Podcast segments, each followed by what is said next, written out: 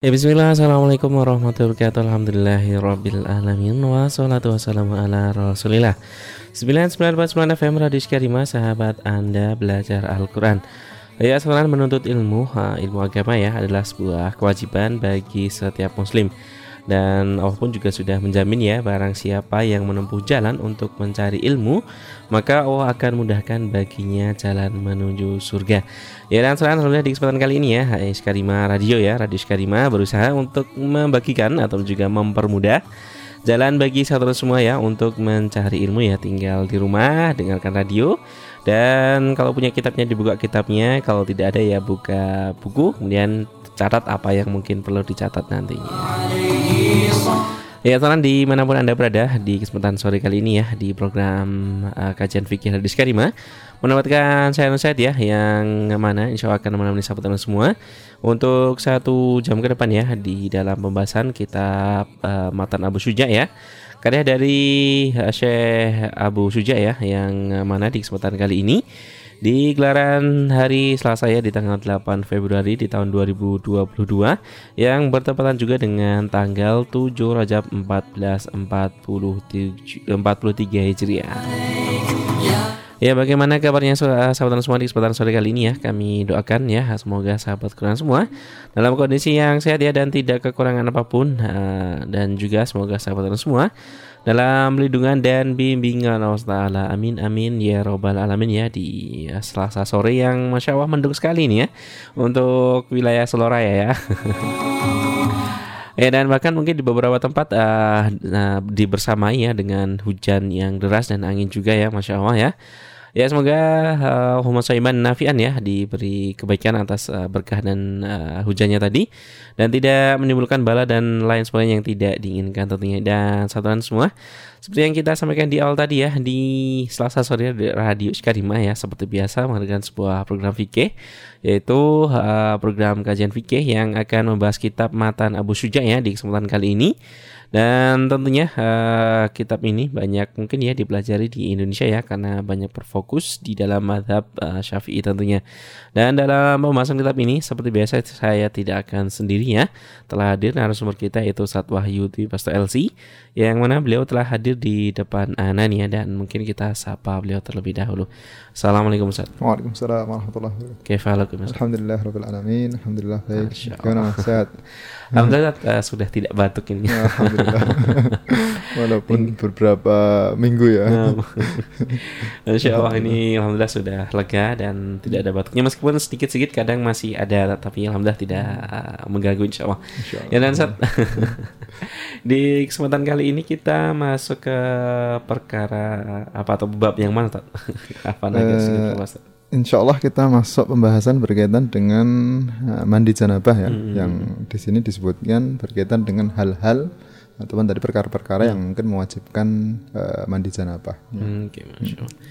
Ya, jadi kita ke perkara yang mewajibkan mandi janabah dan tentunya bagi sahabat semua yang pengen gabung di kesempatan sore kali ini yang uh, mungkin punya pertanyaan seputar uh, bab ini ya atau juga pertanyaannya di luar tema tafadhol kami persilakan juga.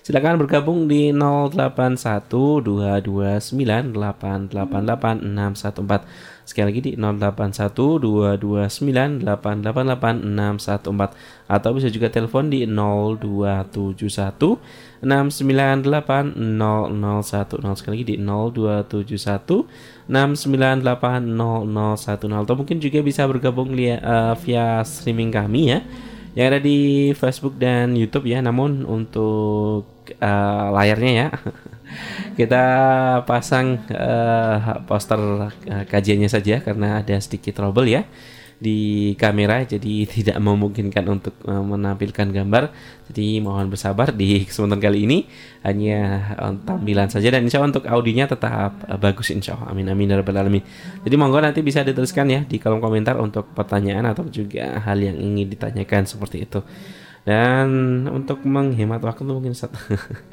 Kami persilakan monggo Ustaz. ya, eh, jazakumullah khairan. Bismillahirrahmanirrahim. Alhamdulillah rabbil alamin. Wassalatu wassalamu ala asyrafil anbiya wal mursalin wa ala alihi wa sahbihi wa man ihtada bi hudahum ila yaumil Alhamdulillah puji syukur tentunya kita panjatkan kepada Allah Subhanahu wa taala Alhamdulillah kita masih diberikan banyak limpahan nikmat dan nikmat yang paling besar yang Allah Subhanahu wa taala berikan kepada kita semuanya adalah nikmat iman, kemudian nikmat Islam.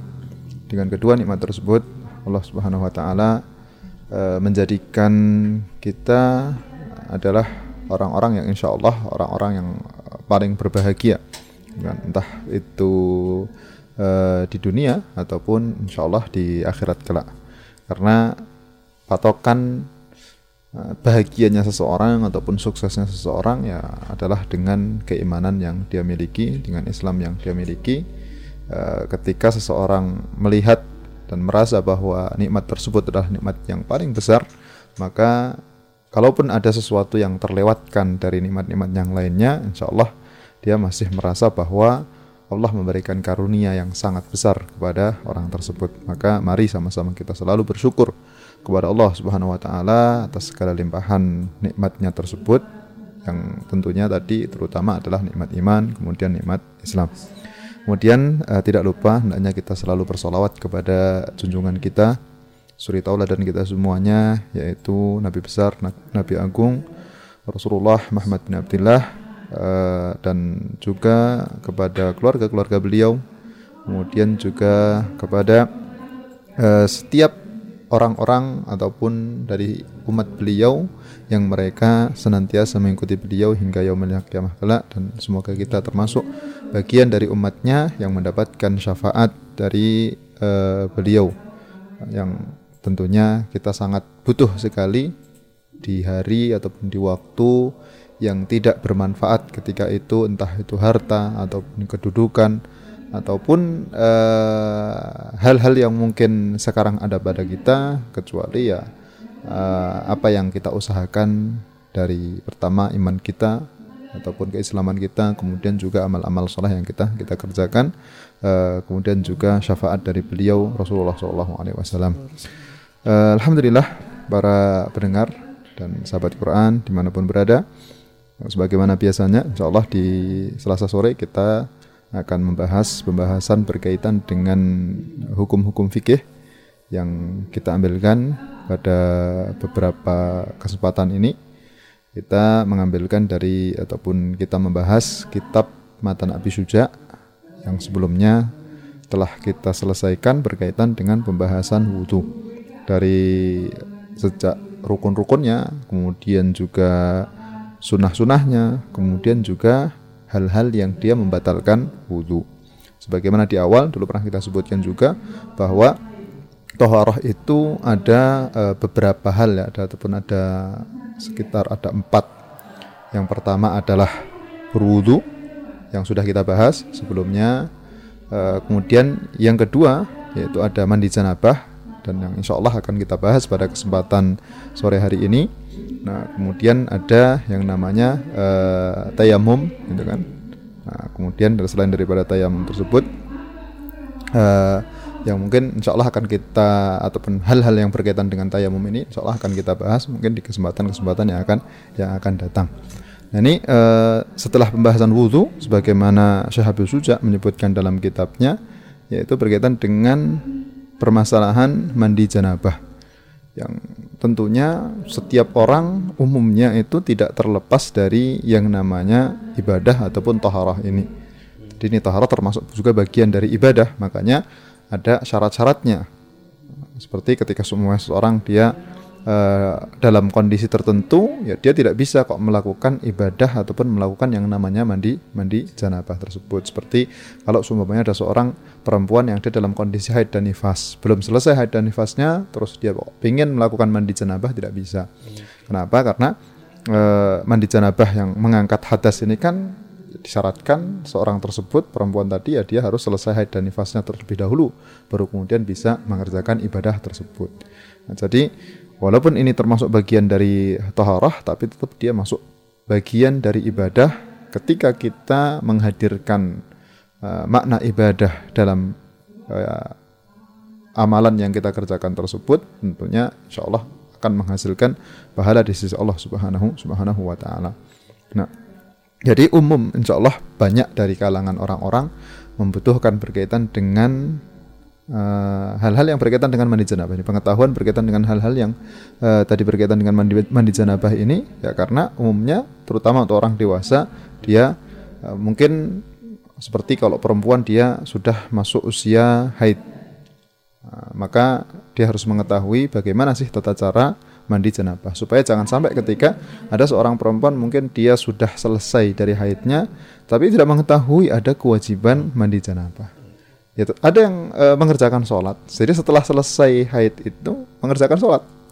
Jadi mengerjakan sholat sebagaimana e, biasanya, tapi tidak didahului dengan mandi janabah untuk mengangkat hadas yang sebelumnya sudah sudah terjadi. Dan ini kan e, berarti menjadi sebuah e, kesalahan ketika seumpamanya kok kita e, dalam kondisi haid kemudian itu suci kemudian kok tidak mandi janabah langsung mengerjakan sholat jadi otomatis sholat yang kita kerjakan ini dia uh, tidak bisa dianggap sebagai sholat yang sah karena kan ada syarat yang tidak terpenuhi yaitu suci dari hadas besar. Karena uh, ada beberapa kali terjadi kondisi-kondisi tersebut. Maka penting bagi setiap orang yang dia dewasa untuk mengetahui hal-hal tersebut. Untuk laki-laki ketika mungkin dia mimpi basah seumpamanya kan dalam kondisi junub maka juga harus uh, mengetahui akan hukum berkaitan dengan mandi janabah ini. Bagaimana sih kapan orang itu dia wajib untuk mandi janabah? Kemudian bagaimana sih tata cara mandi mandi janabah. Yang pertama pasal yang disebutkan oleh beliau ini adalah berkaitan dengan hal-hal yang mewajibkan mandi. Jadi hal-hal apa saja yang dia mewajibkan mandi janabah. Nah dengan ini kita bisa mengetahui kalau sumpamanya ada salah satu dari hal-hal tersebut kok terjadi pada kita ya berarti di sini kita wajib untuk melakukan yang namanya mandi mandi janabah. Supaya jangan sampai tadi oh uh, ini sudah wajib mandi janabah karena selesai dari haid. Tapi karena tidak tahu akhirnya tidak melakukan mandi mandi janabah langsung mengerjakan sholat setelahnya. Jangan sampai hal-hal tersebut itu terjadi. Inilah pentingnya kita terus untuk mempelajari hal-hal yang berkaitan dengan agama kita. Nah, kalau sumbamanya kita siap untuk mempelajari Eh, ilmu-ilmu yang bisa memudahkan kehidupan kita berkaitan dengan pekerjaan ataupun berkaitan dengan uh, skill atau yang lainnya. Kenapa kita tidak siap untuk mempelajari juga hal-hal yang dia berkaitan dengan agama kita yang tentunya dia adalah tugas utama kita sebagai seorang hamba. Nah disebutkan oleh beliau Syekh Suja di sini menyebutkan dalam pasal uh, faslun fi mujibatul ghusl hal-hal yang dia menyebab ataupun mewajibkan mandi mandi janabah. Yang pertama disebutkan oleh beliau walladhi yujibul ghusla sittatu asya. Jadi yang mewajibkan mandi janabah itu ada enam. Ada enam disebutkan beliau. Nah, kemudian salah satu asya'a tashtariku fiha rijal wan nisa. Tiga itu uh, dia sama terjadi di laki-laki kemudian terjadi juga di perempuan. Jadi berbahasa istilahnya uh, keduanya akan menghadapi tiga kondisi tersebut. Nah, yaitu apa? Tiga hal tersebut yang disebutkan oleh beliau pertama kali adalah wahya iltiqaul khitanain. Yang pertama disebutkan oleh beliau adalah yaitu bertemunya dua khitan. Ya, dua khitan adalah di sini e, bermakna yaitu kalau seumpamanya seorang laki-laki dan perempuan ini berhubungan. Nah, maka kan e, ketika berhubungan disebutkan oleh e, beliau adalah dengan lafat bertemunya dua dua khitan sebagaimana disebutkan oleh Rasulullah SAW e, karena e, lafat yang disebutkan oleh Rasulullah adalah e, bertemunya dua khitan sebagai e, bentuk apa ya e, bentuk pengucapan yang tidak secara langsung ini berkaitan dengan ber, berhubungan. Tapi kan semua orang ketika mendengar hal tersebut akan bisa memahami oh bahwa yang dimaksudkan di sini adalah ketika ada laki-laki kemudian perempuan berhubungan berhubungan badan maka di sini dia mewajibkan mewajibkan mandi. Nah, ini yang disebutkan oleh oleh beliau hal yang hal yang pertama. Nah, ini khusus untuk bagi orang yang dia uh, sudah menikah gitu kan. Atau bahkan kalau semuanya dalam pembahasan yang lainnya pun gitu, ketika semuanya ada orang berzina antara laki-laki dan perempuan tetap sama hukumnya. Jadi tetap wajib untuk melakukan yang namanya mandi mandi janabah walaupun e, zina tersebut dikatakan bahwa hal ini haram.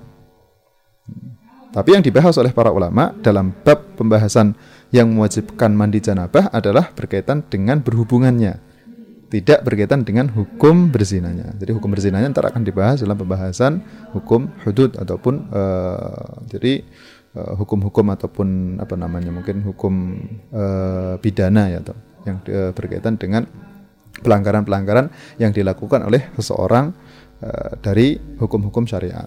Nah, jadi ketika seumpamanya orang berhubungan, nah maka wajib untuk melakukan yang namanya madinah. Cuman mungkin untuk berhubungan ini kan le masih uh, lebih umum ya lebih umum.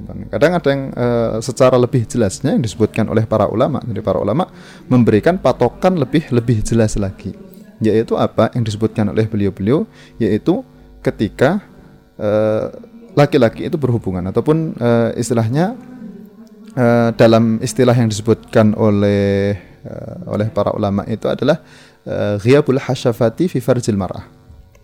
Hmm. Itu ataupun mungkin uh, hasyafati uh, fi al-farj.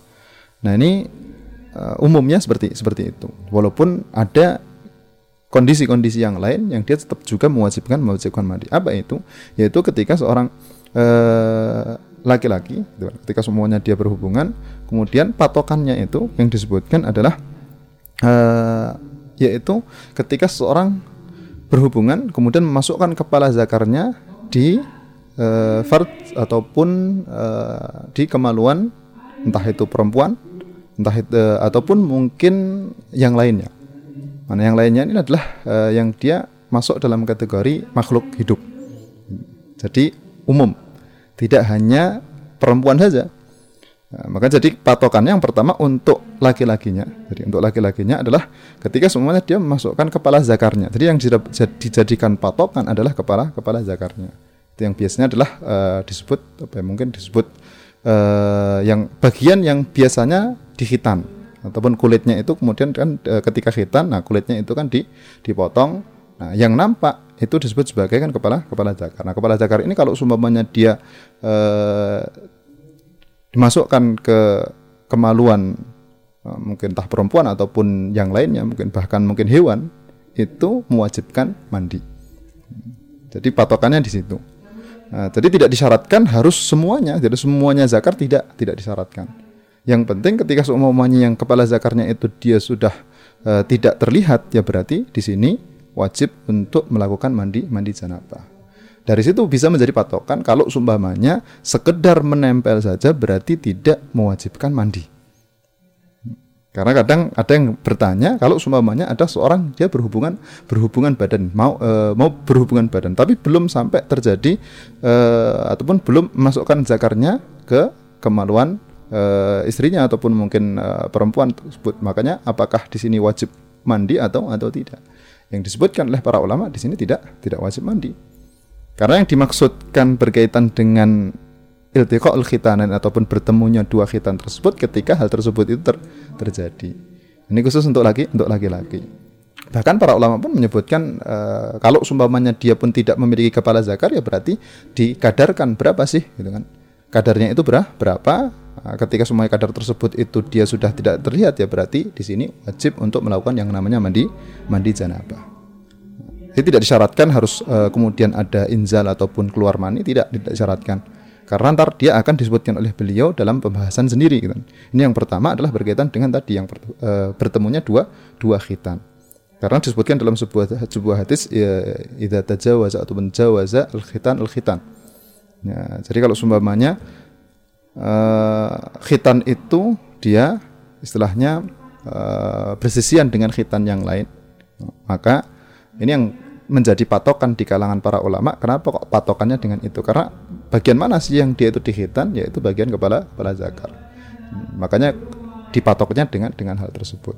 Makanya ketika ada yang bertanya, apakah ketika seorang berhubungan kemudian menempelkan kemaluannya di kemaluan orang lain itu dia sudah mewajibkan mandi? Jawabannya berarti belum.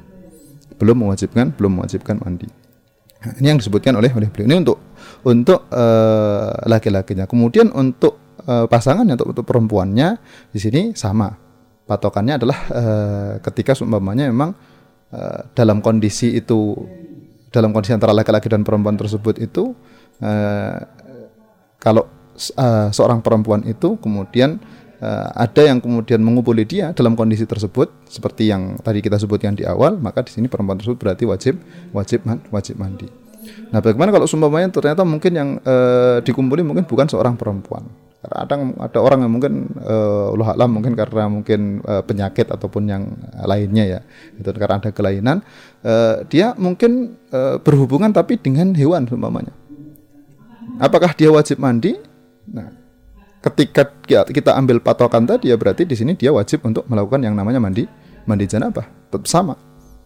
Ketika ada orang kemudian uh, dia berhubungan dengan hewan, dengan kondisi ataupun dengan uh, sifat yang tadi sudah kita sebutkan tadi, ya berarti di sini tetap mewajibkan untuk untuk mandi mandi janabah. Uh, kemudian juga selain uh, kemaluan, sama ketika semuanya mungkin uh, kemaluan laki-laki tersebut dimasukkan ke dubur, itu juga sama tetap mewajibkan mandi. Ini yang disebutkan oleh para para ulama berkaitan dengan pembahasan iltiqaul khitanain ataupun bertemunya dua dua khitan. Jadi secara umumnya itu. Tapi dalam kondisi-kondisi tertentu yang tadi itu uh, tadi entah itu tadi bukan seorang perempuan ataupun mungkin tidak di kemaluan, maka dia tetap mewajibkan yang namanya mandi janabah. Itu hal pertama yang disebutkan oleh beliau dan itu juga menjadi patokan banyak hal dalam hukum-hukum syariat. Dulu mungkin pernah kita bahas juga uh, yaitu berkaitan dengan masalah uh, seperti uh, zina gitu kan. Kapan seseorang dikatakan bahwa dia itu sudah berzina, betul-betul berzina gitu kan. Nah, kemudian berkaitan dengan persaksian, apakah ketika ada seorang yang dia bersaksi, ini ada si A ini dia berzina dengan si si B. Bagaimana sih persaksiannya? Nah, itu kan sampai kadar berapa persak persaksiannya itu dimensifati orang tersebut itu berhubungan. Jadi tidak hanya sekedar ketika seseorang berada di satu kasur, kemudian di satu selimut, tidak memakai pakaian itu langsung kemudian dikatakan berarti mereka berdua ini adalah orang yang berzina belum. Di sini tidak bisa kok kemudian dihukumi langsung oh mereka itu berzina. Jadi harus ada uh, syarat-syarat uh, salah satunya tadi yang uh, sifat disebutkan berkaitan dengan masalah berhubungan itu seperti seperti apa yang disebutkan oleh para para ulama. Dari situlah hukum-hukum yang lain akan akan berkaitan Eh, ketika tidak sesuai dengan sifat yang disebutkan, oh berarti ini belum masuk. Ketika semuanya ini uh, sudah sesuai, ya berarti dia sudah sudah masuk. Ini yang pertama, ataupun hal-hal yang mewajibkan pertama disebutkan oleh oleh beliau. Kemudian yang kedua, bahasan yang kedua yaitu adalah dengan uh, inzal mani, yaitu dengan keluarnya air mani. Nah, ini yang disebutkan oleh oleh beliau uh, selain air mani berarti tidak mewajibkan mandi seperti wadi ataupun madhi Nah, dulu pernah kita bahas juga dalam pembatalan batal wudhu uh, keluarnya madhi kemudian keluarnya wadi itu kan dia membatalkan wudhu tapi tidak mewajibkan mandi. Sedangkan yang mewajibkan mandi adalah keluarnya air air mani. Ini keluarnya air mani ini uh, dengan kondisi apa pun gitu kan. Dengan kondisi apa pun maka dia tetap mewajibkan yang namanya mandi mandi janabah kecuali beberapa uh, beberapa kondisi yang dikecualikan oleh para ulama dan ada beberapa perbedaan pendapat uh, bahkan di kalangan ulama Syafi'iyah antara Ibnu Hajar kemudian dengan Imam Imam Ramli.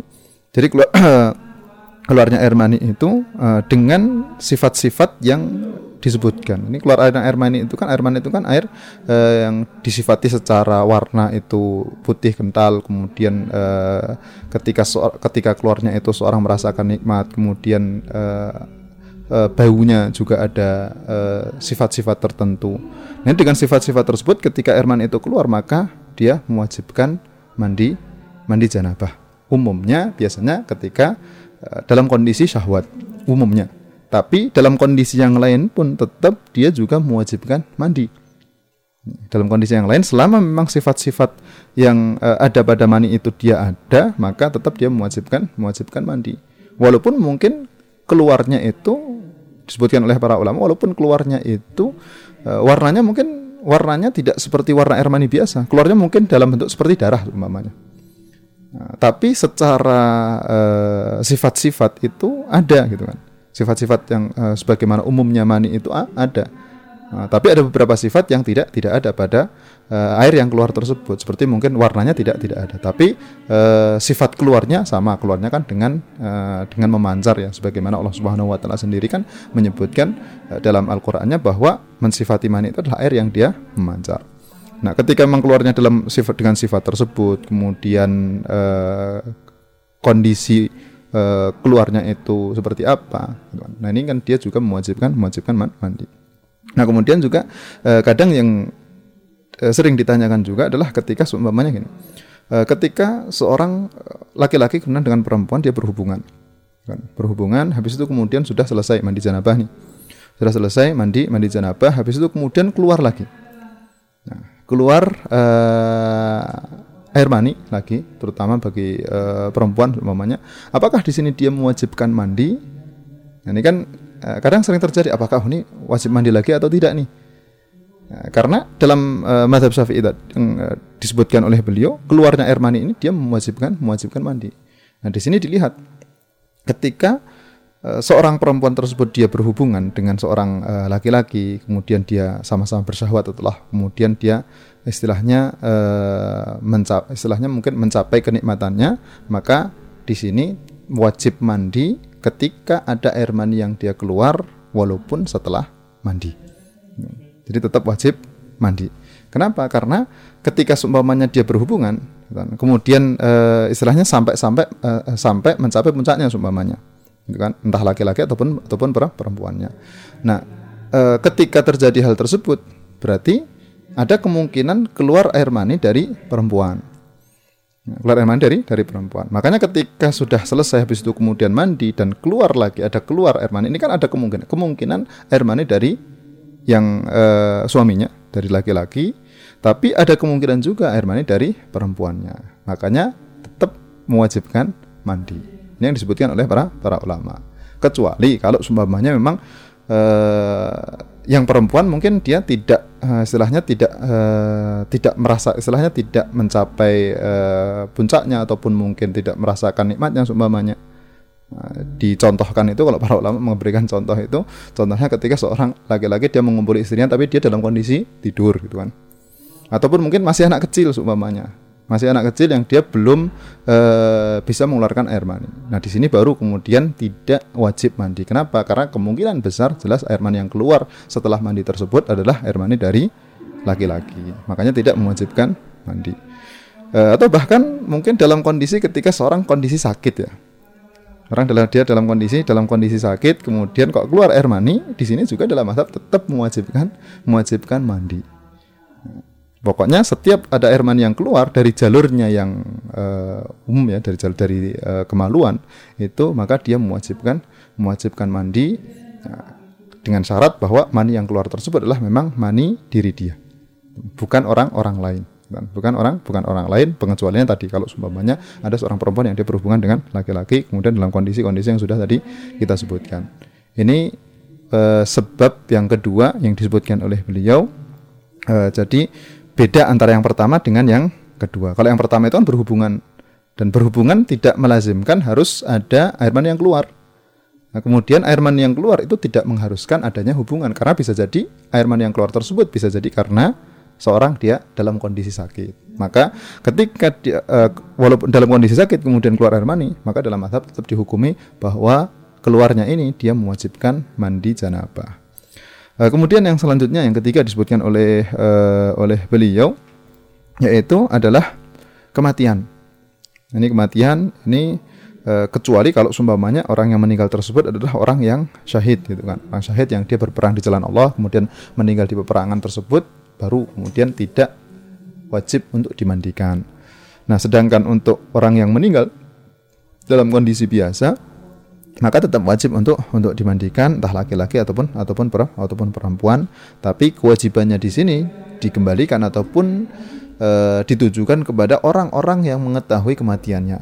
Karena otomatis karena sudah sudah meninggalkan dunia, dia tidak bisa untuk diminta melakukan perbuatan tersebut, ya, maka Nah, kewajibannya diwajibkan kepada orang-orang lain dan insya Allah akan dibahas secara uh, khusus di pembahasan berkaitan dengan kepengurusan pengurusan jenazah gitu kan. Pengurusan jenazah dari sejak mandikan kemudian mengkafani dan seterusnya sampai memakamkan itu kan ada pembahasan sendiri biasanya di uh, pembahasan setelah uh, pembahasan sholat ataupun di akhir pembahasan sholat.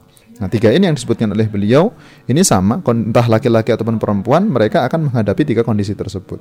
Entah yang pertama ataupun yang kedua ataupun yang ketiga, maka eh, ketika ada salah satu dari ketiganya, ya berarti wajib untuk melakukan yang namanya mandi mandi janabah. Eh, kemudian tiga yang lainnya disebutkan oleh beliau wasalah satu takhtas subihan nisa. Sedangkan yang tiga lainnya itu khusus untuk perempuan saja karena memang tidak ada pada laki-laki. Yang pertama yang disebutkan oleh beliau wahya al haid. Yang pertama adalah haid. Nah, karena laki-laki jelas dia kan tidak tidak haid ya. Makanya uh, haid ini kan khusus untuk khusus untuk perempuan. Makanya ketika uh, makna haid ini adalah ketika dia selesai dari haid. Baru kemudian wajib untuk mandi mandi janabah. Karena ketika pas dalam kondisi haid terus dia pengen mandi janabah mengangkat hadas tersebut ya nggak bisa. Tidak boleh dia meniatkan untuk mandi mandi janabah. Harus menunggu sampai selesai selesai haidnya sudah tidak keluar darah lagi. Nah, maka Setelahnya dia diperintahkan untuk melakukan yang namanya mandi janabah, mengangkat uh, hadas besar yang disebabkan karena haid yang datang tersebut. Ini khusus untuk perempuan. Nah, kemudian yang selanjutnya uh, untuk haid dan nifas untuk pengertiannya insya Allah akan kita bahas di pembahasan haid dan nifas. Dulu pernah kita bahas juga bahwa haid itu kan darah yang keluar dalam kondisi normal yang umumnya biasanya setiap bulan itu uh, keluar satu kali. Ini untuk perempuan dalam kondisi umumnya umumnya perempuan dalam kondisi dalam kondisi normal. Walaupun bisa jadi ada juga seorang perempuan yang dia mungkin tidak haid selama beberapa bulan ataupun bahkan mungkin beberapa beberapa tahun. Tapi ala hal ketika datang bulan ataupun datang, uh, keluar darah haid, maka ini dia mewajibkan untuk mandi janabah. Uh, kemudian selanjutnya yang kelima ya, yang kelima ataupun yang kedua yang dia dikhususkan untuk perempuan yaitu nifas. Nifas yaitu apa itu nifas? Ya, nifas itu kan uh, ketika seorang melahirkan ini kita keluar ataupun darah yang keluar ketika rahim itu sudah kosong dari janin. Ini patokan lebih gampangnya. Makanya kalau sumpamanya ada uh, orang yang dia hamilnya itu kembar, sudah keluar anak yang pertama tapi anak yang kedua belum keluar. Setelahnya keluar darah. Apakah darah tersebut disebut sebagai darah nifas?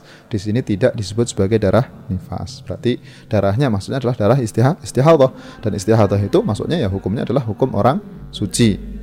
Nah, akan dibahas insya Allah di pembahasan haid dan haid dan nifas. Jadi nifas itu adalah darah yang keluar setelah rahim itu kosong. Rahim itu dia kosong dari janin. Entah janin tersebut itu keluar normal setelah 9 bulan atau mungkin kurang dari 9 bulan, keluar mungkin eh, enam 6 bulan atau bahkan mungkin keluarnya itu masih e, di eh, awal-awal gitu kan. Nah, ketika mungkin di bulan ke-5 umpamanya ini kan belum belum uh, biasanya ketika bayi keluar di bulan kelima ini kan ya Allah alam apakah ada kemungkinan hidup umumnya ya tidak ada kemungkinan untuk untuk hidup walaupun bayi tersebut itu ntar setelahnya meninggal ketika ada darah yang keluar setelahnya ini disebut sebagai nifas juga kan? atau bahkan mungkin ketika ada uh, seorang dia keguguran hmm. ada seorang keguguran sudah terbentuk uh, sebagian dari ada istilahnya sudah terbentuk gambaran uh, janin ataupun akan menjadi uh, orang ini kan akan menjadi menjadi janin. Kemudian dia keguguran terus keluar. Kemudian ada darah yang keluar. Nah darah di sini pun juga disebut sebagai darah nifas. Makanya tetap mewajibkan yang namanya mandi mandi janabah juga. Tidak dikhususkan untuk yang dia melahirkan uh, dalam kondisi normal saja. Tapi ketika seorang dia dalam kondisi uh, keguguran pun ini tetap ketika ada darah yang keluar habis itu kemudian darah tersebut itu selesai ya berarti ada kewajiban untuk melakukan yang namanya mandi mandi janabah. Uh, ini yang disebutkan oleh oleh beliau yang kelima yaitu nifas. Kemudian yang selanjutnya yang terakhir yang khusus untuk perempuan yaitu melahirkan. Kan? Melahirkan. Jadi melahirkan itu dia mewajibkan mandi. Nah kan sebelumnya sudah disebutkan nifas. Ini disebutkan oleh para ulama uh, untuk masalah melahirkan ini adalah melahirkan itu kan dia bayi ini kan dia diciptakan dari maninya laki-laki kemudian dan perempuan sebagaimana disebutkan oleh Rasulullah SAW. Nah makanya karena keluarnya air mani itu dia mewajibkan mandi janabah, maka keluarnya anak ini dia juga mewajibkan mandi janabah. Walaupun mungkin, gitu kan, walaupun mungkin uh, dalam kondisi yang sangat jarang sekali, ataupun mungkin bahkan mungkin tidak ada ya uh, ataupun mungkin kondisinya uh, ada tapi mungkin sangat jarang sekali bahkan mungkin tidak tidak mesti uh, ada setiap tahun ataupun mungkin setiap berapa puluh tahun. Yaitu kalau semuanya ada orang melahirkan tapi tidak keluar darah sama sekali. Kan? Jadi dia melahirkan tapi sudah melahirkan saja tanpa ada darah yang keluar sama sekali. Ini kan sangat jarang sekali tapi di sini apakah dia wajib mandi? Tetap wajib mandi. Kenapa? Karena keluarnya bayi tadi ini disebut sebagai uh, hal yang mewajibkan mandi janabah. Makanya ya tetap wajib untuk mandi mandi janabah. Uh, kemudian atau bahkan uh, kan keluarnya keluarnya bayi itu yang disebutkan oleh para ulama ini zaman uh, zaman dahulu gitu kan walaupun kalau sekarang dikembalikan ke ilmu kedokteran mungkin akan sangat uh, tidak normal ya. Yaitu ketika seseorang dia mengeluarkan uh, mengeluar ataupun melahirkan melahirkan tanpa ada uh, ada cairan. Jadi bayinya pun keluar dalam kondisi kering gitu kan. Uh, ini tetap para ulama mewajibkannya ya dia tetap wajib untuk melakukan mandi mandi janabah karena kalau dulu dalam pembahasan hal-hal yang dia uh, mewajibkan untuk istinja, kan? Dalam pembahasan mewajibkan istinja itu kan istinja itu wajib ketika seumpamanya mengeluarkan sesuatu yang dia mengotori mengotori tempat keluarnya uh, najis tersebut. Tapi kalau seumpamanya tidak mengotori, tidak wajib untuk melakukan istinja. Nah, tapi hukumnya itu sunnah mustahab. Nah, di sini berkaitan dengan melahirkan bayi yang dia kering seumpamanya. Jadi bayi yang dia kering ini yang disebutkan oleh para ulama, istilah yang disebutkan oleh beliau-beliau, maka apakah wajib mandi janabah ya tetap wajib mandi mandi janabah. Bahkan yang disebutkan sebagian ketika orang yang dia melahirkan tapi dengan cara sesar. Ketika semuanya dia melahirkan tapi dengan cara sesar. Uh, tidak keluar dari jalur uh, yang biasanya. Nah, bagaimana apakah tetap mewajibkan mandi janabah? Nah, para ulama sebagian menyebutkan ya di sini tetap wajib untuk mandi janabah walaupun bayi tersebut itu dikeluarkannya dengan cara uh, sesar gitu. Tidak keluar dari jalur biasanya. Tetap wajib mandi mandi janabah nah, anak kulihal ini uh, tiga hal yang disebutkan oleh beliau dan di sini memang dikhususkan untuk perempuan-perempuan saja. Sedangkan untuk yang eh, laki-laki uh, ataupun laki-laki dan perempuan yang tiga di awal tadi yang kita sebutkan jadi totalnya adalah ada enam.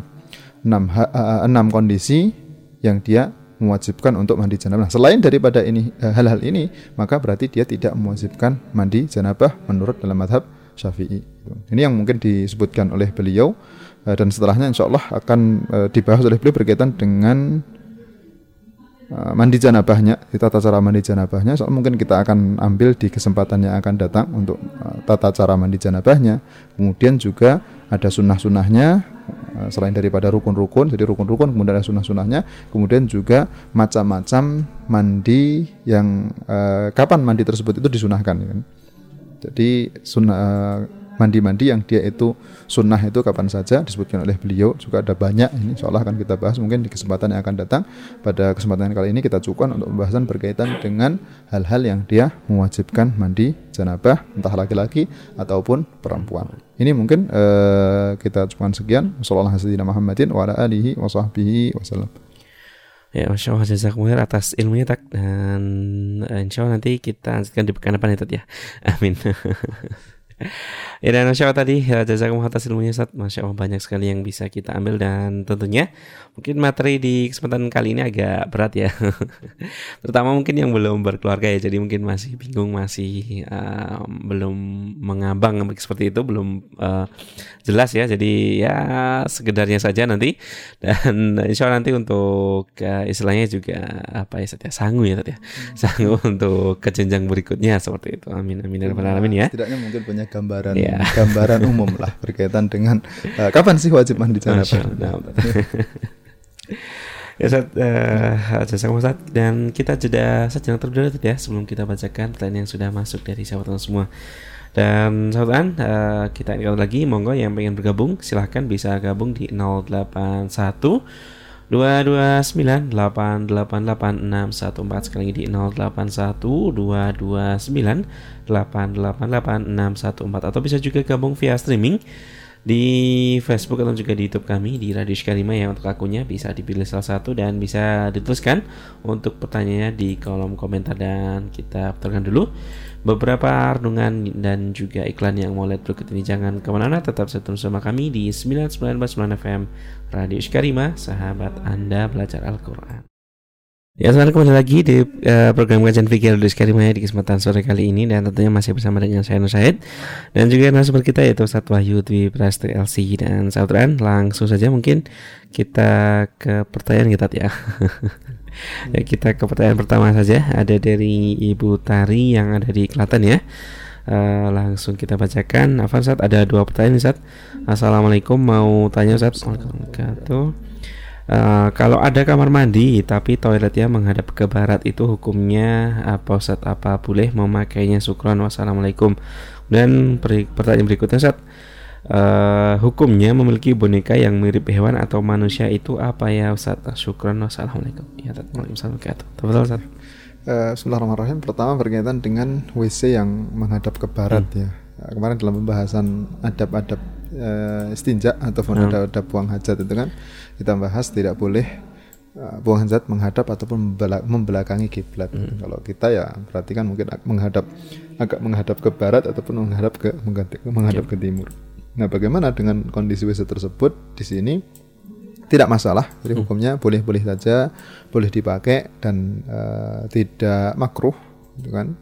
Uh, apalagi haram. Kenapa? Karena memang dia berada di bangunan yang tertutup dan memang berada di tempat yang dikhususkan untuk buang hajat. Makanya uh, tidak masuk dalam kategori larangan yang disebutkan oleh Rasulullah untuk Sama-sama. tidak membuang hajat menghadap atau membelakangi kiblat karena itu khusus untuk di tanah lapang. Gitu. Mm -hmm. Jadi kalau semuanya dia berada di tempat uh, yang tertutup ataupun mungkin di bangunan yang uh, khusus dibuat untuk buang hajat di sini tidak tidak ya. mengapa. Jadi kalau semuanya sudah memang sudah terbangun dalam kondisi tersebut ya nggak masalah.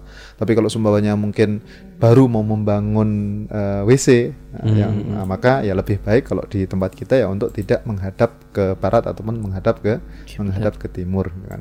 Uh, karena ada perbedaan pendapat di kalangan para ulama juga yang tetap menyatakan bahwa entah di bangunan ataupun di luar bangunan pun sama hukumnya dilarang. dilarang. dilarang. Hmm. Tapi uh, tadi jadi ini tidak masalah uh, kalau semuanya memakai WC tersebut ya tidak tidak masuk dalam kategori uh, larangan Rasulullah SAW. Ini yang pertama. Kemudian yang kedua berkaitan dengan uh, memiliki boneka ya yang dia berbentuk makhluk hidup. Nah, bagaimana apakah uh, boleh atau tidak?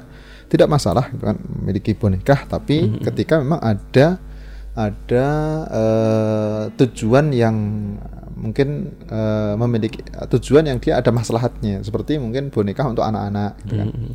Uh, anak-anak kecil, kemudian kita belikan uh, boneka mainan buat mereka itu tidak masalah. Tapi kalau semuanya mungkin untuk anak yang dia sudah besar ya uh, lebih baik sih tidak gitu kan. uh, karena dia masuk dalam kategori gambar juga gitu kan. Hmm. Bahkan dia kan gambar yang istilahnya lebih nyata ya karena hmm. berbentuk istilahnya ataupun tiga tiga dimensi gitu. Dan uh, sebagian ulama berpendapat uh, ketika sumpamanya uh, ada gambar uh, dalam bentuk tersebut yang dia memang tidak memiliki fungsi ataupun tidak ada hmm. maslahat yang bisa diambil dari boneka tersebut, nah ini bisa menjadikan malaikat itu tidak masuk ke dalam rumah rumah tersebut sebagaimana disebutkan oleh Rasulullah la tadkhulul malaikatu baitan fihi surah. Jadi sungguhnya malaikat, ini malaikat rahmat itu tidak memasuki rumah yang di dalamnya ada ada gambarnya gitu kan.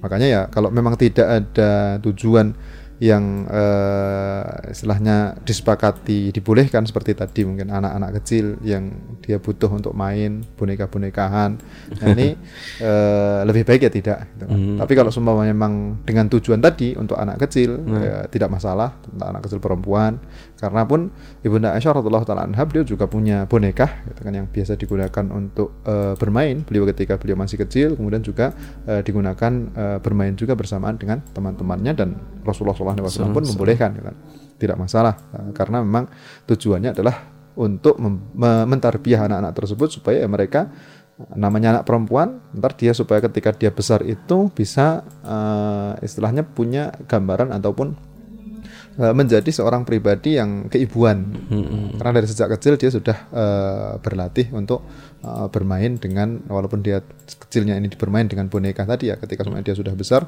maka lebih memiliki sifat sifat keibuan Keibu. makanya kenapa kok para ulama menyebutkan memiliki boneka dengan tujuan tersebut pun tidak masalah gitu kan karena memang Rasulullah sendiri beliau mendiamkan dan tidak melarang hal-hal tersebut berbeda dengan gambar-gambar yang lain yang beliau meminta untuk gambar tersebut itu dihilangkan. Allah taala alam. Ya, Masya Allah. Uh, ya saat kemudian ke pertanyaan berikutnya saat ya. Uh, nggak apa-apa ini saat ya. Ya, uh, ya sebelumnya tadi jasa ya untuk Ibu Tari atas pertanyaannya. Kemudian kita berpindah ke penanya berikutnya. Uh, Assalamualaikum Ustaz Wahyu.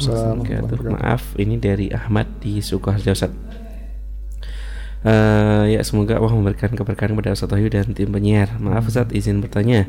Jika seseorang menggunakan obat ambeien atau obat penjahar yang mengharuskan pengobatan dengan memasukkan obat pada maaf sebelumnya ya masukkan ke lubang dubur seperti itu apakah ini membatalkan wudhu Ustaz dan berkaitan dengan Ramadan Ustaz apakah praktik tersebut juga membatalkan puasa Ustaz Maaf, ada pertanyaan yang mengganjal juga. Saya pernah mendengar hadis bahwa Rasulullah SAW mencium salah satu istri beliau di siang hari Ramadan dan beliau menyampaikan bahwa beliau adalah manusia yang paling bertakwa dan mampu menahan syahwat. Apakah redaksi hadis tersebut betul Ustaz? Jazakumullah khairan jazak Ustaz. Ya, uh, yang pertama, Bismillahirrahmanirrahim berkaitan dengan pemakaian obat ambeien ya, hmm. mungkin dimasukkan uh, ke dubur itu apakah dia membatalkan wudhu? Tidak. Jadi hmm. kemarin dalam pembahasan pembatalan pembatal wudhu tidak uh, masuk dalam kategori dia membatalkan wudhu. Jadi hmm. umumnya wudhu itu batal dengan sesuatu yang dia keluar. Hmm. Ya, dengan sesuatu yang dia yang dia keluar. Hmm Uh, bukan dengan sesuatu yang dia masuk. masuk. Nah, maka kalau seumpamanya tadi memakai obat tersebut dimasukkan ya berarti dia tidak membatalkan tidak membatalkan wudhu.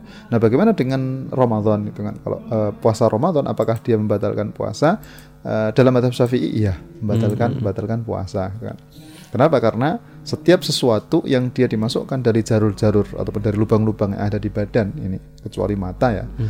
Nah, dia bisa membatalkan puasa. Hmm. Makanya kalau untuk puasa bulan Ramadan dalam mata Syafi'i maka dia membatalkan puasa. Bisa mungkin kalau uh, butuh untuk memakainya silahkan mungkin dipakai ketika sebelum uh, subuh ataupun ketika pas masih waktu sahur uh, sebelum terbitnya fajar. Nah, kemudian ketika malam hari setelah masuk berbuka kemudian bisa uh, makainya ketika sudah masuk waktu buka supaya hmm. tadi tidak menjadikan puasa yang dikerjakan itu batal, batal. karena yang tadi kita sebutkan bahwa yang memasukkan sesuatu memasuknya sesuatu ke dalam badan dari lubang-lubang yang ada di badan itu dia membatalkan membatalkan puasa ini kan termasuk uh, dalam hal tersebut nah kemudian yang terakhir yang ketiga berkaitan dengan uh, hadis ya bahwa Rasulullah SAW beliau ketika puasa pernah mencium uh, istrinya Uh, kemudian beliau uh, ketika semuanya ditanya, karena sebenarnya redaksi hadisnya itu uh, bahwa beliau mencium istrinya Kan? Salah satu dari istrinya disebutkan dalam riwayat yang lain bahwa yang dicium adalah ibunda Aisyah radhiyallahu taala anha.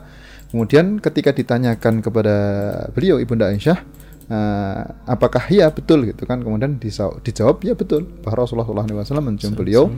Kemudian beliau menjawab bahwa tapi Rasulullah itu yang uh, paling bertakwa, kemudian bisa menahan bisa menahan uh, syahwatnya. Hmm. Itu hadis tersebut betul, itu hadis tersebut ada.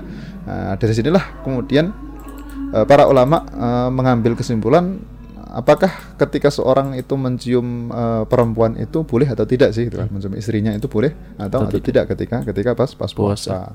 Uh, maka uh, kayak dalam mazhab Syafi'i sendiri dia hukumnya makruh ya. Uh, hukumnya secara hukum hukumnya dia makruh karena bisa uh, istilahnya menjerumuskan dia ke pembatal pembatal pembatal pembatal puasa tapi dia, dia tidak sampai membatalkan. Jadi hanya sekedar mencium tidak membatalkan membatalkan puasa, tapi dia hukumnya makruh hendaknya untuk dihindari. Tapi berkaitan dengan redaksi hadisnya, ya betul seperti itu.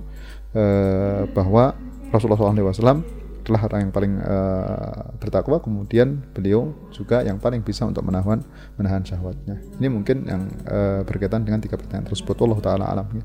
Ya masya Allah tadi jawabannya ya untuk uh, Mas Ahmad yang ada di Sukoharjo Jazakumullah sudah bertanya di kesempatan kali ini dan semoga tadi bisa menjawab pertanyaan yang uh, dilontarkan seperti itu. Ya kemudian ke pertanyaan terakhir saat di kesempatan kali ini. Uh, Assalamualaikum warahmatullahi wabarakatuh. Assalamualaikum warahmatullahi wabarakatuh. Uh, maaf tanya saat bila keguguran di bawah 4 bulan apa benar tetap wajib sholat walaupun keluar darah atau darah setelah atau setelah kirat Ustaz jazakumullah khairan dari Umu Abdul di Selakir saja khair. Wa uh, keluar darah setelah empat bulan. Empat bulan.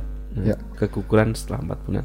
Ya uh, jadi uh, ini berkaitan dengan apa ya makna nifas tadi hmm. yang tadi sudah kita bahas apakah ketika seseorang dia seorang perempuan hamil kemudian ukuran hmm. dalam usia kandungan empat bulan itu wajib untuk mengerjakan sholat atau atau tidak padahal dia ketika itu keluar keluar darah hmm. nah tadi kita sebutkan juga bahwa darah yang keluar darah yang keluar setelah rahim itu kosong, entah tadi itu karena keguguran tadi kan, Mm-mm. karena keguguran ataupun dalam kondisi eh, persalinan yang normal, itu dia masuk dalam kategori nifas. Nifas. Ya, masuk dalam kategori nifas. Makanya ketika dia masuk dalam kategori nifas, ya berarti seorang perempuan tersebut tidak wajib untuk mengerjakan sholat.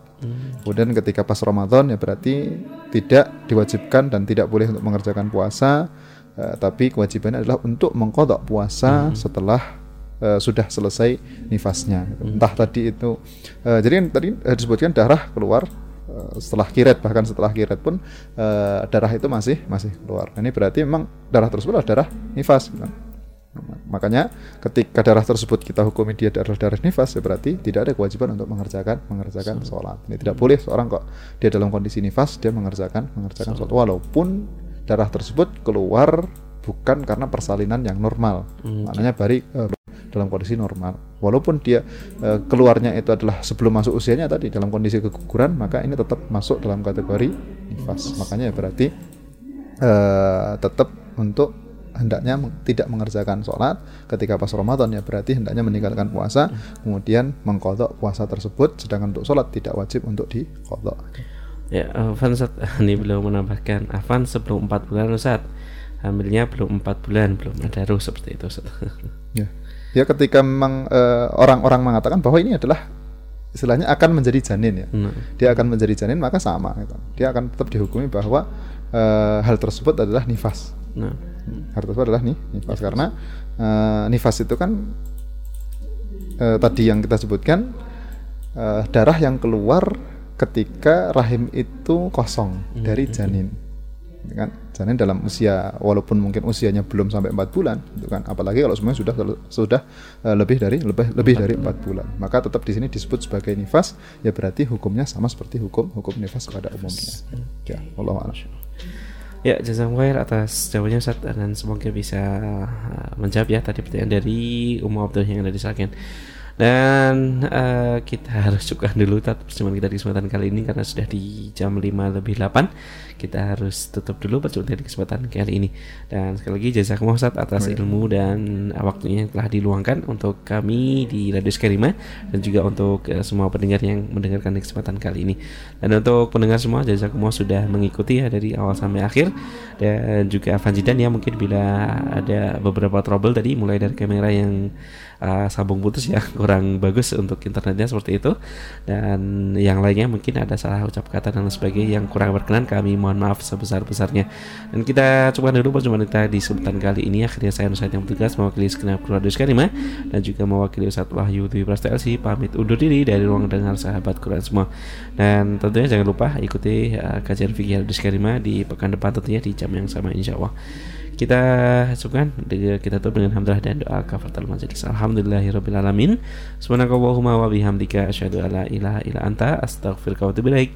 Wassalamualaikum warahmatullahi wabarakatuh